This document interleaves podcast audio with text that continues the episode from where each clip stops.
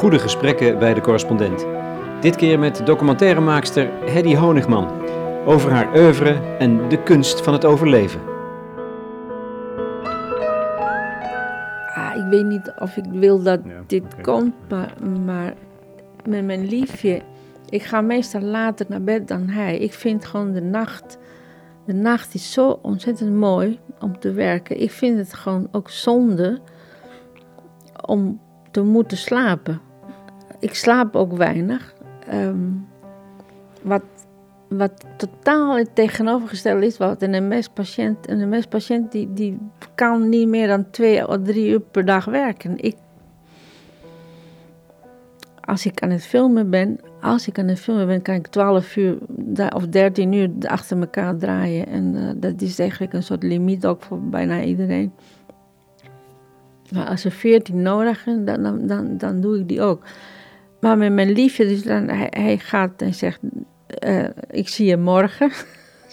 zegt hij. Nou, ik kom eraan.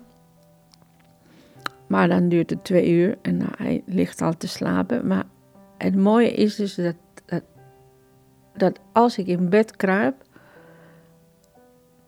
heel automatisch zoekt hij mijn hand om die vast te houden. En ik vind dat een van de mooiste dingen.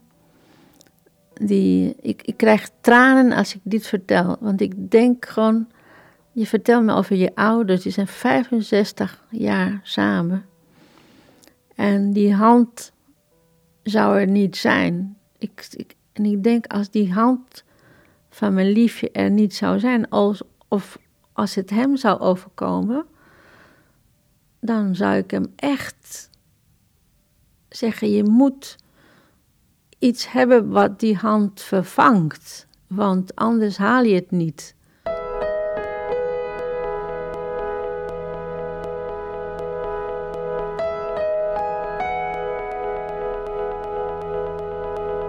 Mijn eerste film met acteurs, want ik ben begonnen met fictie. Ja. En daarna overgeschakeld naar documentaire. Het was dus een film met twee acteurs, Johan Leijsen en Titus Muizelaar. En het was een, in het huis waar ik woonde, dus in, in dat uh, binnenplaatsje aan de Hallemerdijk. Er was een nieuwbouw, een atelierwoning. En dus we, hebben gewoon een hele woning met heel weinig geld de film gemaakt. De hele woning hebben we in grijze tinten uh, geschilderd. Toen ik nog vertrok, er waren nog plekjes waar, waar nog. Nou, we dachten, nou, dit is een mooie grijze muur met die tinten. Maar er waren overal gaten van de, de, de, de poolkats. Dat, waren gewoon, dat zijn dingen die je hangt van de ene kant van, van de woning, gaat het naar de andere muur, zodat je lampen kan ophangen boven. Als je niet statieven in beeld wil, hier en daar. Het idee was dat zonder dat de acteurs zouden weten dat precies op dat moment een bepaalde geluid zou komen, dat er bijvoorbeeld een ruzie uh, met de buren boven hun, boven de verdieping, zou uitbarsten. Die ruzie hadden we al opgenomen. En er was een, een speaker, een speaker, hing aan het plafond. En er leek een soort lampje. Dus de acteurs die wisten het niet. Dus op, opeens begon een ruzie tussen buren. En daar, hoe reageerden ze? Of heel hard ging een duif uh, koeren, heet het koeren. En, dat beïnvloedde hun spel? Ja, precies. La otra noche al remover una misiva que amoroso en mi archivo guardo yo. Entre pétalos marchitos hube hallado un retrato que es emblema de pasión.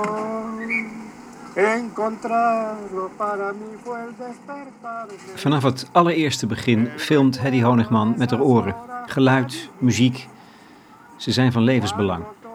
Ze doet het allemaal samen met haar geluidsman van het eerste uur, Piotr van Dijk, altijd in voor een experiment. Voor de documentaire Metaal en Melancholie, die haar grote doorbraak zou betekenen, gebruikte hij speciale apparatuur die net was ontwikkeld in Japan. Het was hard nodig, want de film werd bijna volledig geschoten in de taxis die rondreden in Lima, de geboortestad van Honigman. Die wagens zagen er niet uit. Aftans en krakkemikkig en vol gaten, maar de chauffeurs woonden erin, overleefden erin. Het waren hun huisjes. En dus moesten het geluid en de muziek goed klinken, volgens de regisseur.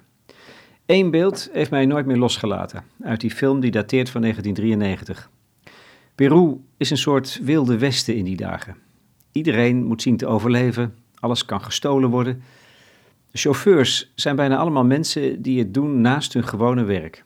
Welnu, er is één man die iedere avond, om te voorkomen dat zijn auto geroofd wordt, de versnellingspook uit zijn wagen sloopt. Wat een verzekering.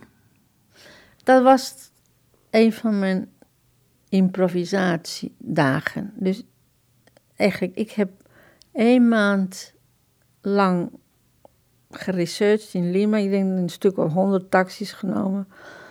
Ik had mijn, mijn, mijn plekjes vaak bij een stoplicht, zodat ik...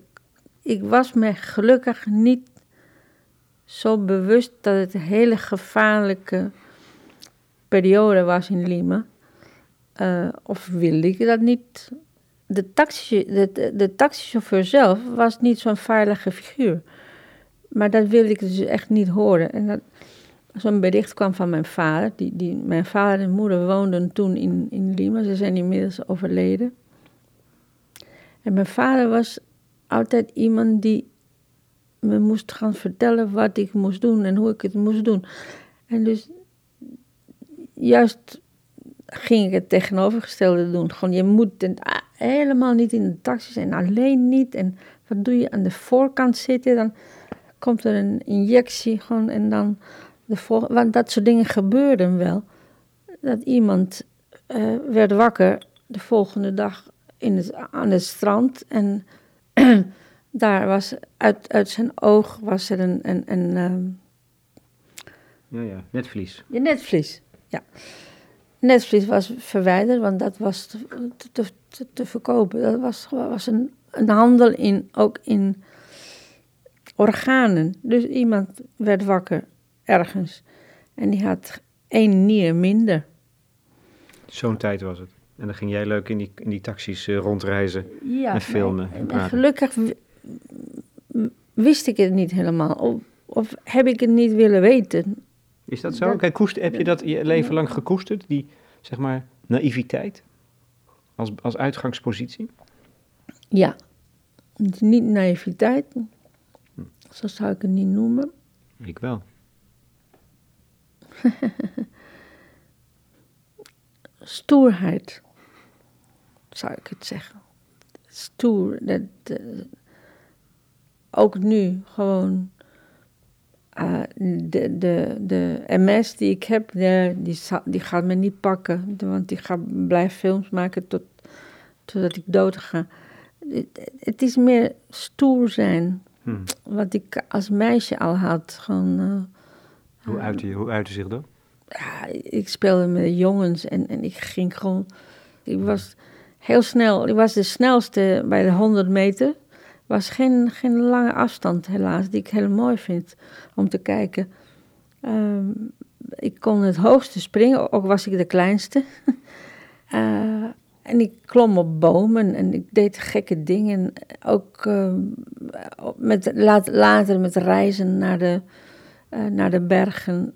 Ja, het is beter om niet te gaan in die periode, omdat als, je, als je naar de de plekken uh, over de Cordillera, de eerste deel van de Cordillera van de, van de Andes-gebergte, uh, wilt gaan, dan moet je over, als je van Lima gaat, moet je over 4600 meter klimmen en daarna begin je te dalen. En in die regenperiode gaan delen van de bergen, die, die komen zo naar, naar beneden. En die kunnen je begraven uh, met uh, autootje en alles. Maar dat, dat gingen we. Dus ik was. We, wa we waren ook stoer. Ik had een groep stoere vrienden. Maar je wil, je wil ook voor de duvel niet bang zijn. Ja, precies. Dat is het. Ik, als, ik, als ik jouw oeuvre overzie, En het, nou ja, het is een oeuvre, een magnifiek oeuvre, dat ik altijd Dankjewel. heel... Maar ik vind dat het zo ontroerend, zo diep menselijk. ik denk dat wij de komende tijd nog veel behoefte zullen hebben aan menselijkheid. Precies, het is gewoon, het is menselijk en het is, merk ik her en der, ouderwets. Heel langzaam schuif je naar wat het onderwerp zou zijn. Hè? Dus eigenlijk in het, is met, het is eigenlijk een hele poëtische, ik vind een hele poëtische, zeker muzikale benadering. Het is voor mij een vorm van poëzie. Ja, je kan het zo noemen. Ik hou veel van, van poëzie. Ik was ook dichter ooit.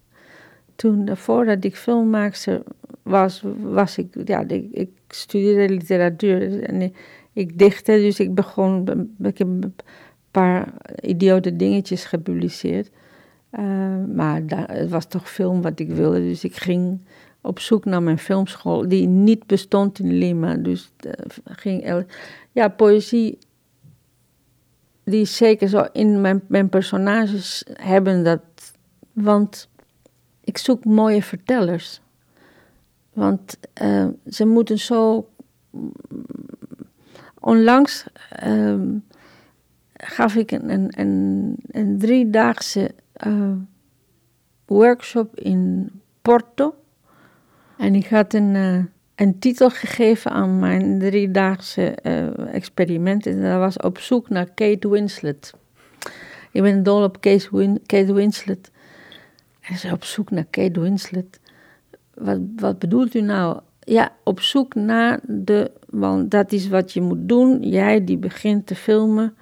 Uh, je begint documentaires te maken. Je moet prachtige vertolkers hebben. Uh, mooie personages. Uh, je moet durven in te grijpen. Uh, je moet niet bang zijn dat je tegen iemand uh, iets zegt of dat je hem uh, in een bepaalde situatie zet waar hij het beste zou, tussen aanhalingstekens, presteren. En eigenlijk sinds van, vanaf dat ik begon met taal en melancholie, um, heb ik het geprobeerd te doen. Dus met die man met die pook, um, ondanks het feit dat ik goed had geresearched en echt mooie personages had, wilde ik verrast worden. Dus ik had improvisatiedagen. Dus laten we zeggen, per week eh, van draaien waren twee dagen waar ik de crew stond ergens te wachten en ik ging op pad en zocht ik zal wel of niet terugkomen met iemand. En, en deze man, ik zag gewoon, hij had een gele Volkswagen, herinner ik me. Ik begon met hem te, te praten, ik ging voorin zitten. En ik zag die poker. Ik dacht, waarom die tape? Maar dat vroeg ik niet. Dus een gesprekje over ditjes en datjes. Maar ik hoorde dat hij af en toe een Engelse woord uh, gebruikte. Dus ik dacht, oh, die man heeft in een of andere internationale bedrijf gewerkt. Want eigenlijk dat de film zijn, gaat over die middenklasse. Die, de economische crisis is zo, was zo gigantisch. Alain Garcia, die had het land beroofd. Gewoon die, verkocht. Hij had de, de nationale reserves verplaatst van één bank naar een andere bank, daar krijg je een percentage al van, de, als het gaat over het, de nationale reserves, miljarden. Dus het was een, een land die heel, als een land zijn middenklasse verliest, dan is het einde zoek. En dat is wat in Amerika nog steeds aan het gebeuren is. Maar de, de, de middenklasse is de, rug, de ruggengraat van de samenleving. Ja, het is de ruggengraat van de samenleving. Wil, wil, vind je het leuk of niet, maar het is niet het proletariaat waar je droomde toen je uh, in de universiteit zat. Gewoon dat, nee, dat, het is niet... Uh... Goed, deze taxichauffeur die bleek iemand van die middenklasse. Dat ontdekte je door zijn Engels. En het enige wat ik zei tegen de, tegen de camera, Stef Tijding, was als ik zeg palanca de cambios in het Spaans, dat is pook. dan moet je naar de pook gaan. Voor de rest zien we wel. Maar er, is iets met die pook. Iets wonderbaarlijks. En toen kwam dit verhaal. En toen dacht ik, ja, het is toch... En daar heb je dus een, een, een korte vertelling waar die, die pook is het symbool van, van een land die, die, die, die failliet is en van een klasse, een middenklasse die, die moet zich beschermen, koet koet. En ja, daar heb je hem. Iedere avond haalde hij de pook uit de auto? Ja. Om, als een soort... Vijf minuten. Hij zegt vijf, uh, cinco minutos en dan zegt hij vijf minuten. Voegt hij toe in het Engels. Maar is dat niet, staat dit niet symbool voor die mensen die jij zo mooi vindt, die toch een manier vinden om te overleven? Is dat niet in één woord overlevingskunst, wat je zo'n man ziet doen? Ja, in mijn films gaat het daarover, ja.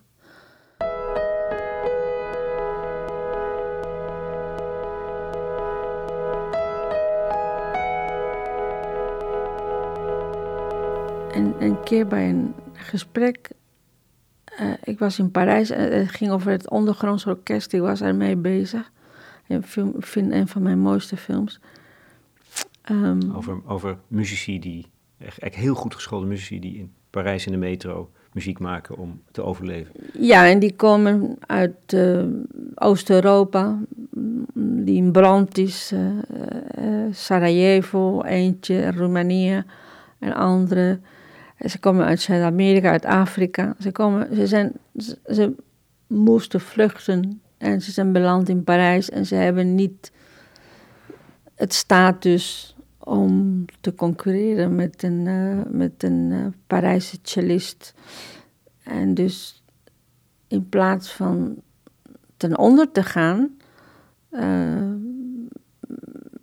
is de de condities sine qua non om te overleven, is het muziek blijven maken.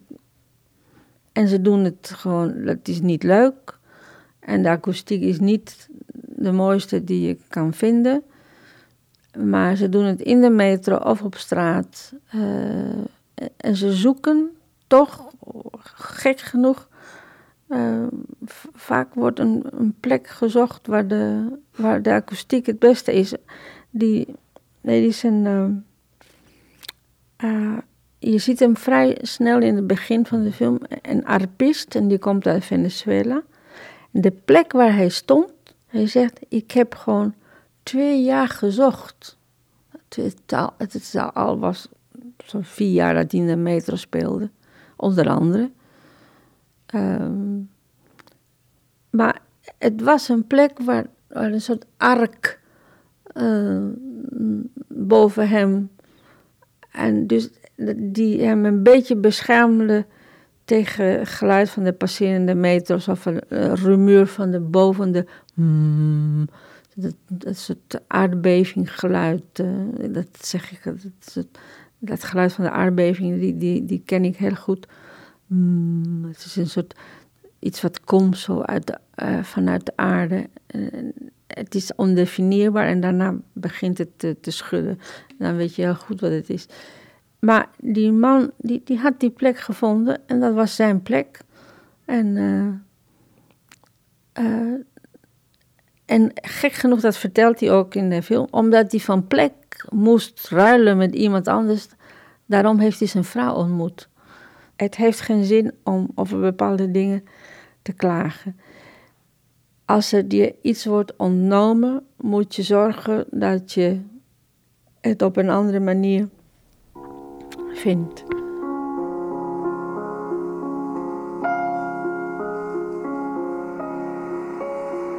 On est du quartier de Morrison. Vous aimez ça ou non Oh, ça nous dérange pas, hein Ah bah non. Quand il vivait, il disait euh, on aura beaucoup de visites, euh, on ne sera pas tout seul.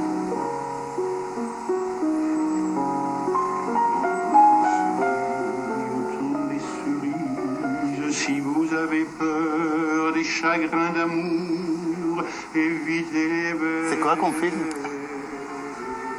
C'est un, un, film sur, euh, sur l'importance de l'art dans la vie des gens en général.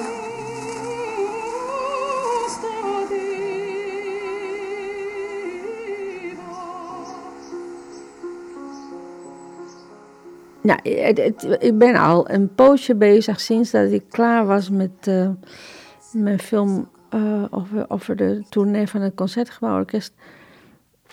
Um, wilde al heel lang wil ik een film maken over mensen die ouder zijn dan 100. Um,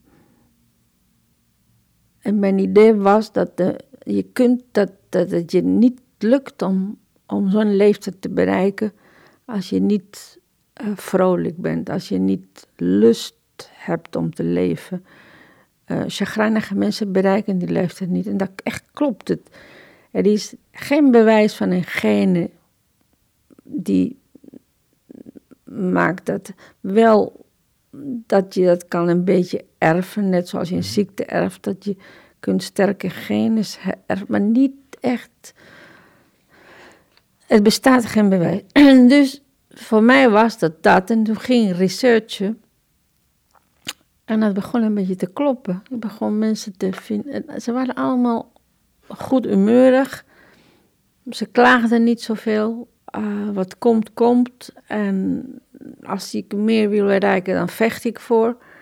Um, echt leuke mensen. En ik dacht, nou, ik, ik maak een film over die lust voor het leven, die, die het motor is. Dat, dat, dat is gewoon hmm. de. Dat moet eigenlijk in, in ons allemaal bestaan als een zaadje. En bij sommige mensen zijn er niet, niet, er is niet één zaadje, maar er zijn er twee. En bij sommigen zijn er drie. Hele mooie zaadjes die maken dat je echt graag wil doorgaan. En dat je denkt, nou ja, uh, dat ik de herfst niet meer zie, dat, dat kan toch niet. Uh, en, en eigenlijk, het hele idee komt van heel lang geleden. Die, die, die behoefte om door te gaan. Het was mijn, mijn echtgenoot, was mijn ex-echtgenoot, overleven, overleden inmiddels, was goed bevriend met uh, dichter Hans Favre. Mm Ook al heel lang geleden overleden. Uh, ook een hele dichter voor, voor een klein groep mensen. En Hans Favre was ziek. En ik weet dat Frans, die, dus mijn ex-echtgenoot, die ging op bezoek naar Hans. En die kwam terug en die zei: Het is waanzin. Zeg ik, Ja, Hans die ligt al op de zolder, rustig. Hij laat, drinkt weinig, hij eet niet meer. Hij langzaam laat zich, uh, want hij had uh, de leverkanker, dus er was, niet, was niks, aan, niks meer aan te doen. Um, en op een gegeven moment had hij Frans geroepen. Hij wilde iets zeggen. Dan hij, hij zei, Frans, ik versta je niet. Kom dichterbij. En hij zei toen, want hij praatte heel zachtjes. Er stond een televisie aan en er was een of andere WK. Ik weet niet welke jaar het was. Ik weet niet wanneer hij precies gestorven is. Maakt niet uit. Nee, het is voor 2000 in ieder geval. Hij zei tegen Frans: Het is zo jammer. Ik zou, ik, ik, ik, ik zou niet weten wie, wie deze WK gaat winnen. Hij vond het jammer dat hij niet zou. En ik snap het zo goed. Um, dat heb jij ook? Ja, ik vind het. Het idee dat. Dat, dat ik bijvoorbeeld. Het idee dat ik niet zou. Um, ik heb nog geen kleinkind. Ik hoop dat mijn zoon. Die, kom op, opschieten, Stefan. Maak maar een hele mooie meisje of jongen. Um, ik, zou zo graag de, die, die oma willen zijn. Dat, dat, zo'n kind in mijn armen hebben en weet, oh, dat, dat is van Stefan, dat is van mijn zoon en ervoor zorgen. Dus in feite, dat doen we allemaal. En dat doen die honderdjarigen. En dat is eigenlijk, denk ik, een van de kunsten om door te leven, is dat je hebt een doel. Iedere keer heb je een nieuw doel. En als je uh, ontslagen wordt, dan moet je een nieuw doel verzinnen. En als je geen werk vindt, moet je echt iets verzinnen, want anders ga je ten onder. als nou, want jij, jij hebt MS al heel lang, volgens mij. Ja, ja, ja. Al twintig, twintig jaar ook, in ieder geval. Nee, meer langer. Het, het, het, werd waarschijnlijk bestond het uh, bestond de MS al voor de geboorte van mijn zoon. Oh, ja. Uh, ik was toen, toen 27. Maar meestal is het zo dat een zwangerschap, uh, als, als, je zwanger bent, voel je de MS, die, het is alsof ze even verdwijnt. Je maakt hormonen die, die, en als je bevalt, dan komt het als een woem. En het is na mijn bevalling dat, dat er, laten we zeggen, dat ze ontdekt werd. Zo'n 35 jaar dat ik het weet. Okay. Ja. Maar hoe doe je dat dan? Leven met MS? Terwijl het eigenlijk allemaal gaat in, voor jou, in je werk, maar ook in je, in je ziel, over die passie voor het leven. Hoe heb je die twee met elkaar... Want ze lijken, uh, hoe heb je die twee met elkaar verenigd? Want ze lijken met elkaar een soort vijandschap te hebben. Ja, daarom moet je ze verenigen. Hoe doe je wat dat? Doe je, wat doe je met twee vijanden? Ze moeten vrede sluiten. Dus je moet gewoon s ochtends als je wakker wordt en je spieren doen pijn, want dat, dat, dat heb je s ochtends, ze zijn verkrampt. Dan moet je, nou, even, spieren moeten los zijn en je moet zeggen van, oh, uh, wat heb ik vandaag te doen? Uh, nou, niet zoveel toevallig. Hmm, was niet zo best. Dan moet je iets verzinnen of denken, nou, laat ik het maar.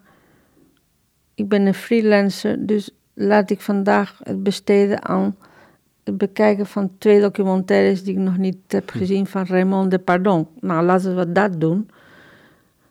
En dan heb je je kleine doel voor de dag uh, gecreëerd.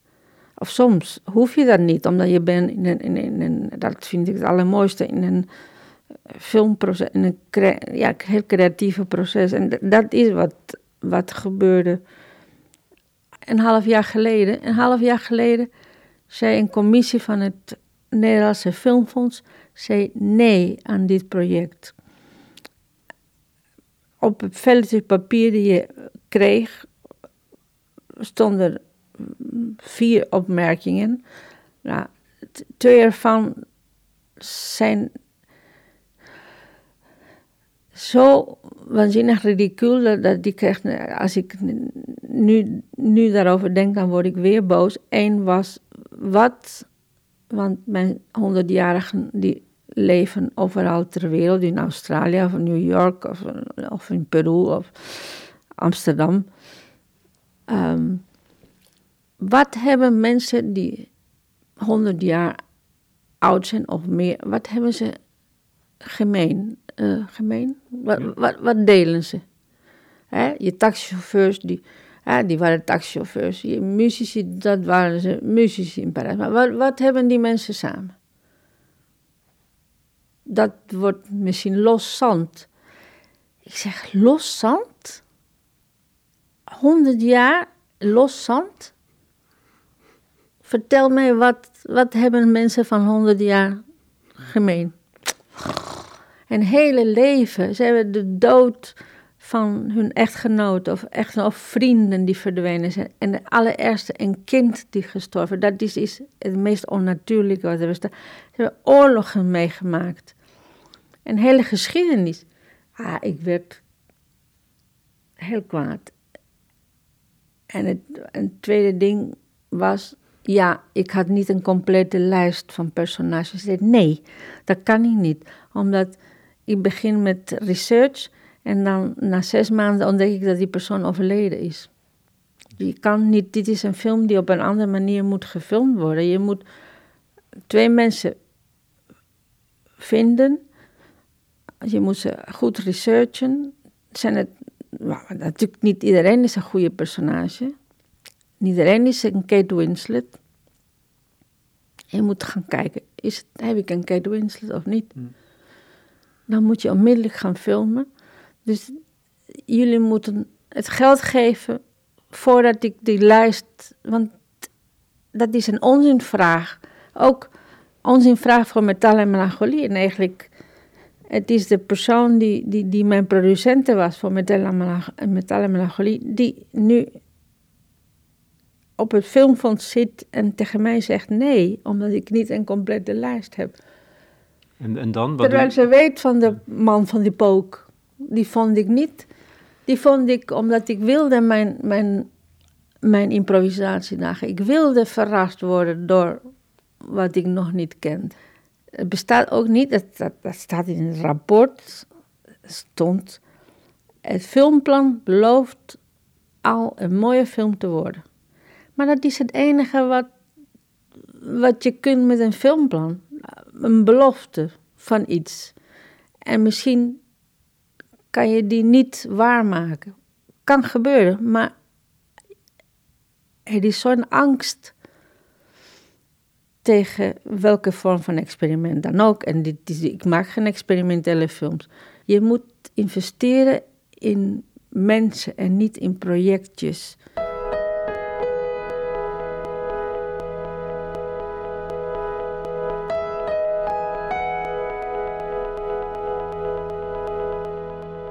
Jij bent nu 64 en het, de zin voor avontuur in jou, in het leven, maar vooral ook in het filmmaken, is ongebroken. Daar gaat het over. En dat wordt dan niet eens herkend. Nee, ik ben net 64, hè? Omdat het... Excuus. Je bent geëxcuseerd. Nee, ik ben net 64 en ik denk dat als ik zou schrijven en niet filmen, zou ik gewoon. weet je, was bij de publieksprijs van de uh, Nederlandse Spoorwegen. Daar zat Adrian van Dies, die zei iets heel moois, vond ik, van, van, waarom de prijs, waarom het, het, het, zo genomineerd zijn al, het verkoopt zoveel, stimuleert.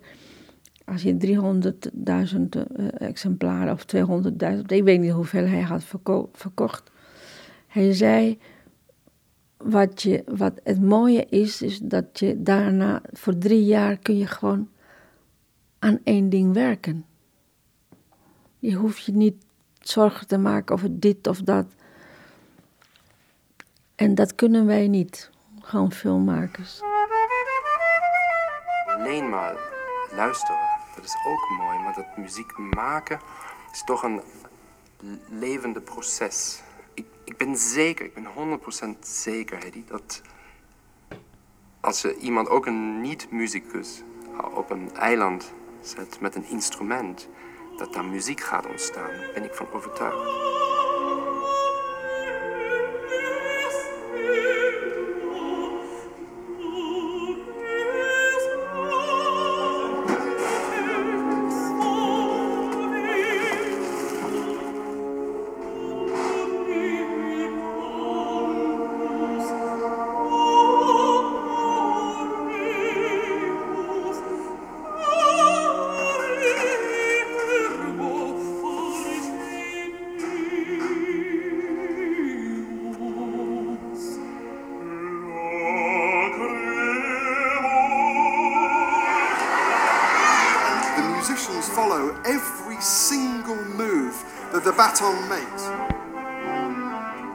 La música clásica ocupa en mi soledad un lugar importante. ¿En su soledad? Sí, esta es mi soledad. Everything I do, to, like today, everything, everything I do is music. I like music. Well, I've been seeing the violin is playing that way. You were copying? Yes. I was just as though I've got the violin already, whereas... Laatste onderwerp, Eddie Honigman. Muziek. Want als het nou gaat over overlevingskunst, passie voor het leven, denk ik. In alle fasen, dan is een van de belangrijkste, misschien wel het belangrijkste bestanddeel voor jou muziek. In ieder geval in de films. Dus waarom, wat, wat betekent muziek voor jou? Wat is dat precies? Waarom doet het zoveel? Ja, ik weet het niet. Als ik geen film zou maken, dan zou ik gewoon zeker muzikus worden. Ik droomde vroeger dat ik gewoon celliste was. Gewoon, Ja? Ja, ja. Ik had een, echt jarenlang gewoon heb ik gedroomd dat ik gewoon verscheen gewoon op het podium met, mijn cello. En dat ik voordat ik ging spelen, deed ik een of andere politieke speech. de microfoon, dat, dat de wereld zou. Het ging heel slecht en zo. Dat was lang geleden. Dus dit, eh, dit in mijn, mijn, tijden van nog van universitaire studenten, waar ik heel actief was in de politiek natuurlijk. Na mijn speech ging ik zitten en ik speelde cello.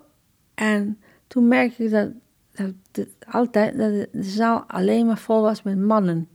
En die waren helemaal, helemaal weg van mij. Dus met de muziek, met muziek veroverde ik de harten van die mannen. Uh, toen ik uh, een jong meisje was, mijn oma wilde me een piano cadeau geven. En mijn vader zei nee, je krijgt een piano omdat je wordt een dokter, dus je hoeft niks te... Dus mijn frustratie met dat ik geen instrument speel, dat komt in mijn dromen van ik speel de cello en ik verover iedereen. Maar omdat muziek is zo, die heeft mij gered met, want wie heeft me geïnspireerd voor al mijn films over muziek?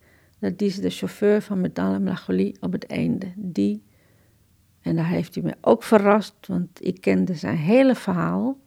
Hij had, zijn ogen waren een beetje scheef hij was lasser, lasser uh, geweest.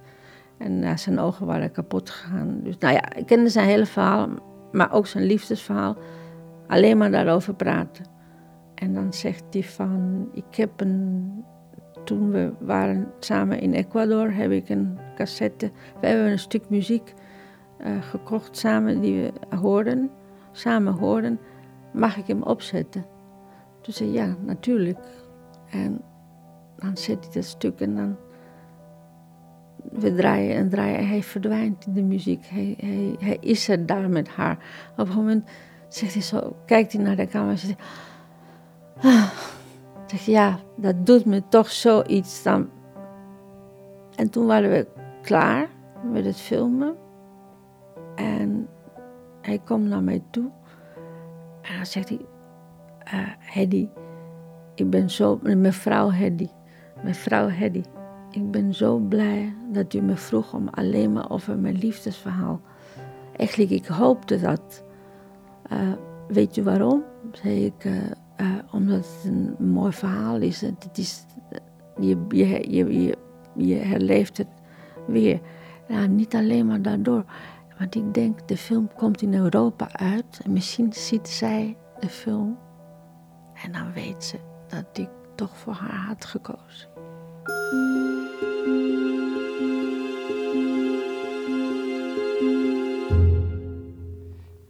Hedy Honigman in gesprek met Lex Bolmeijer voor de correspondent over haar oeuvre.